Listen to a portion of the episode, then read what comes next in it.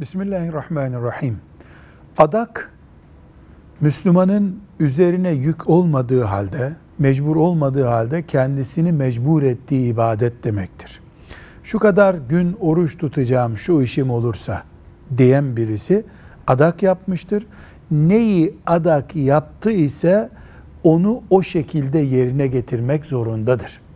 Mesela üç gün oruç tutacağım, oğlum askerden gelirse diyen birisi onun yerine fidye, fitre bir şey veremez. Ne adak yapıldıysa onun yerine getirilmesi lazım. Adakta temel kural budur. Velhamdülillahi Rabbil Alemin.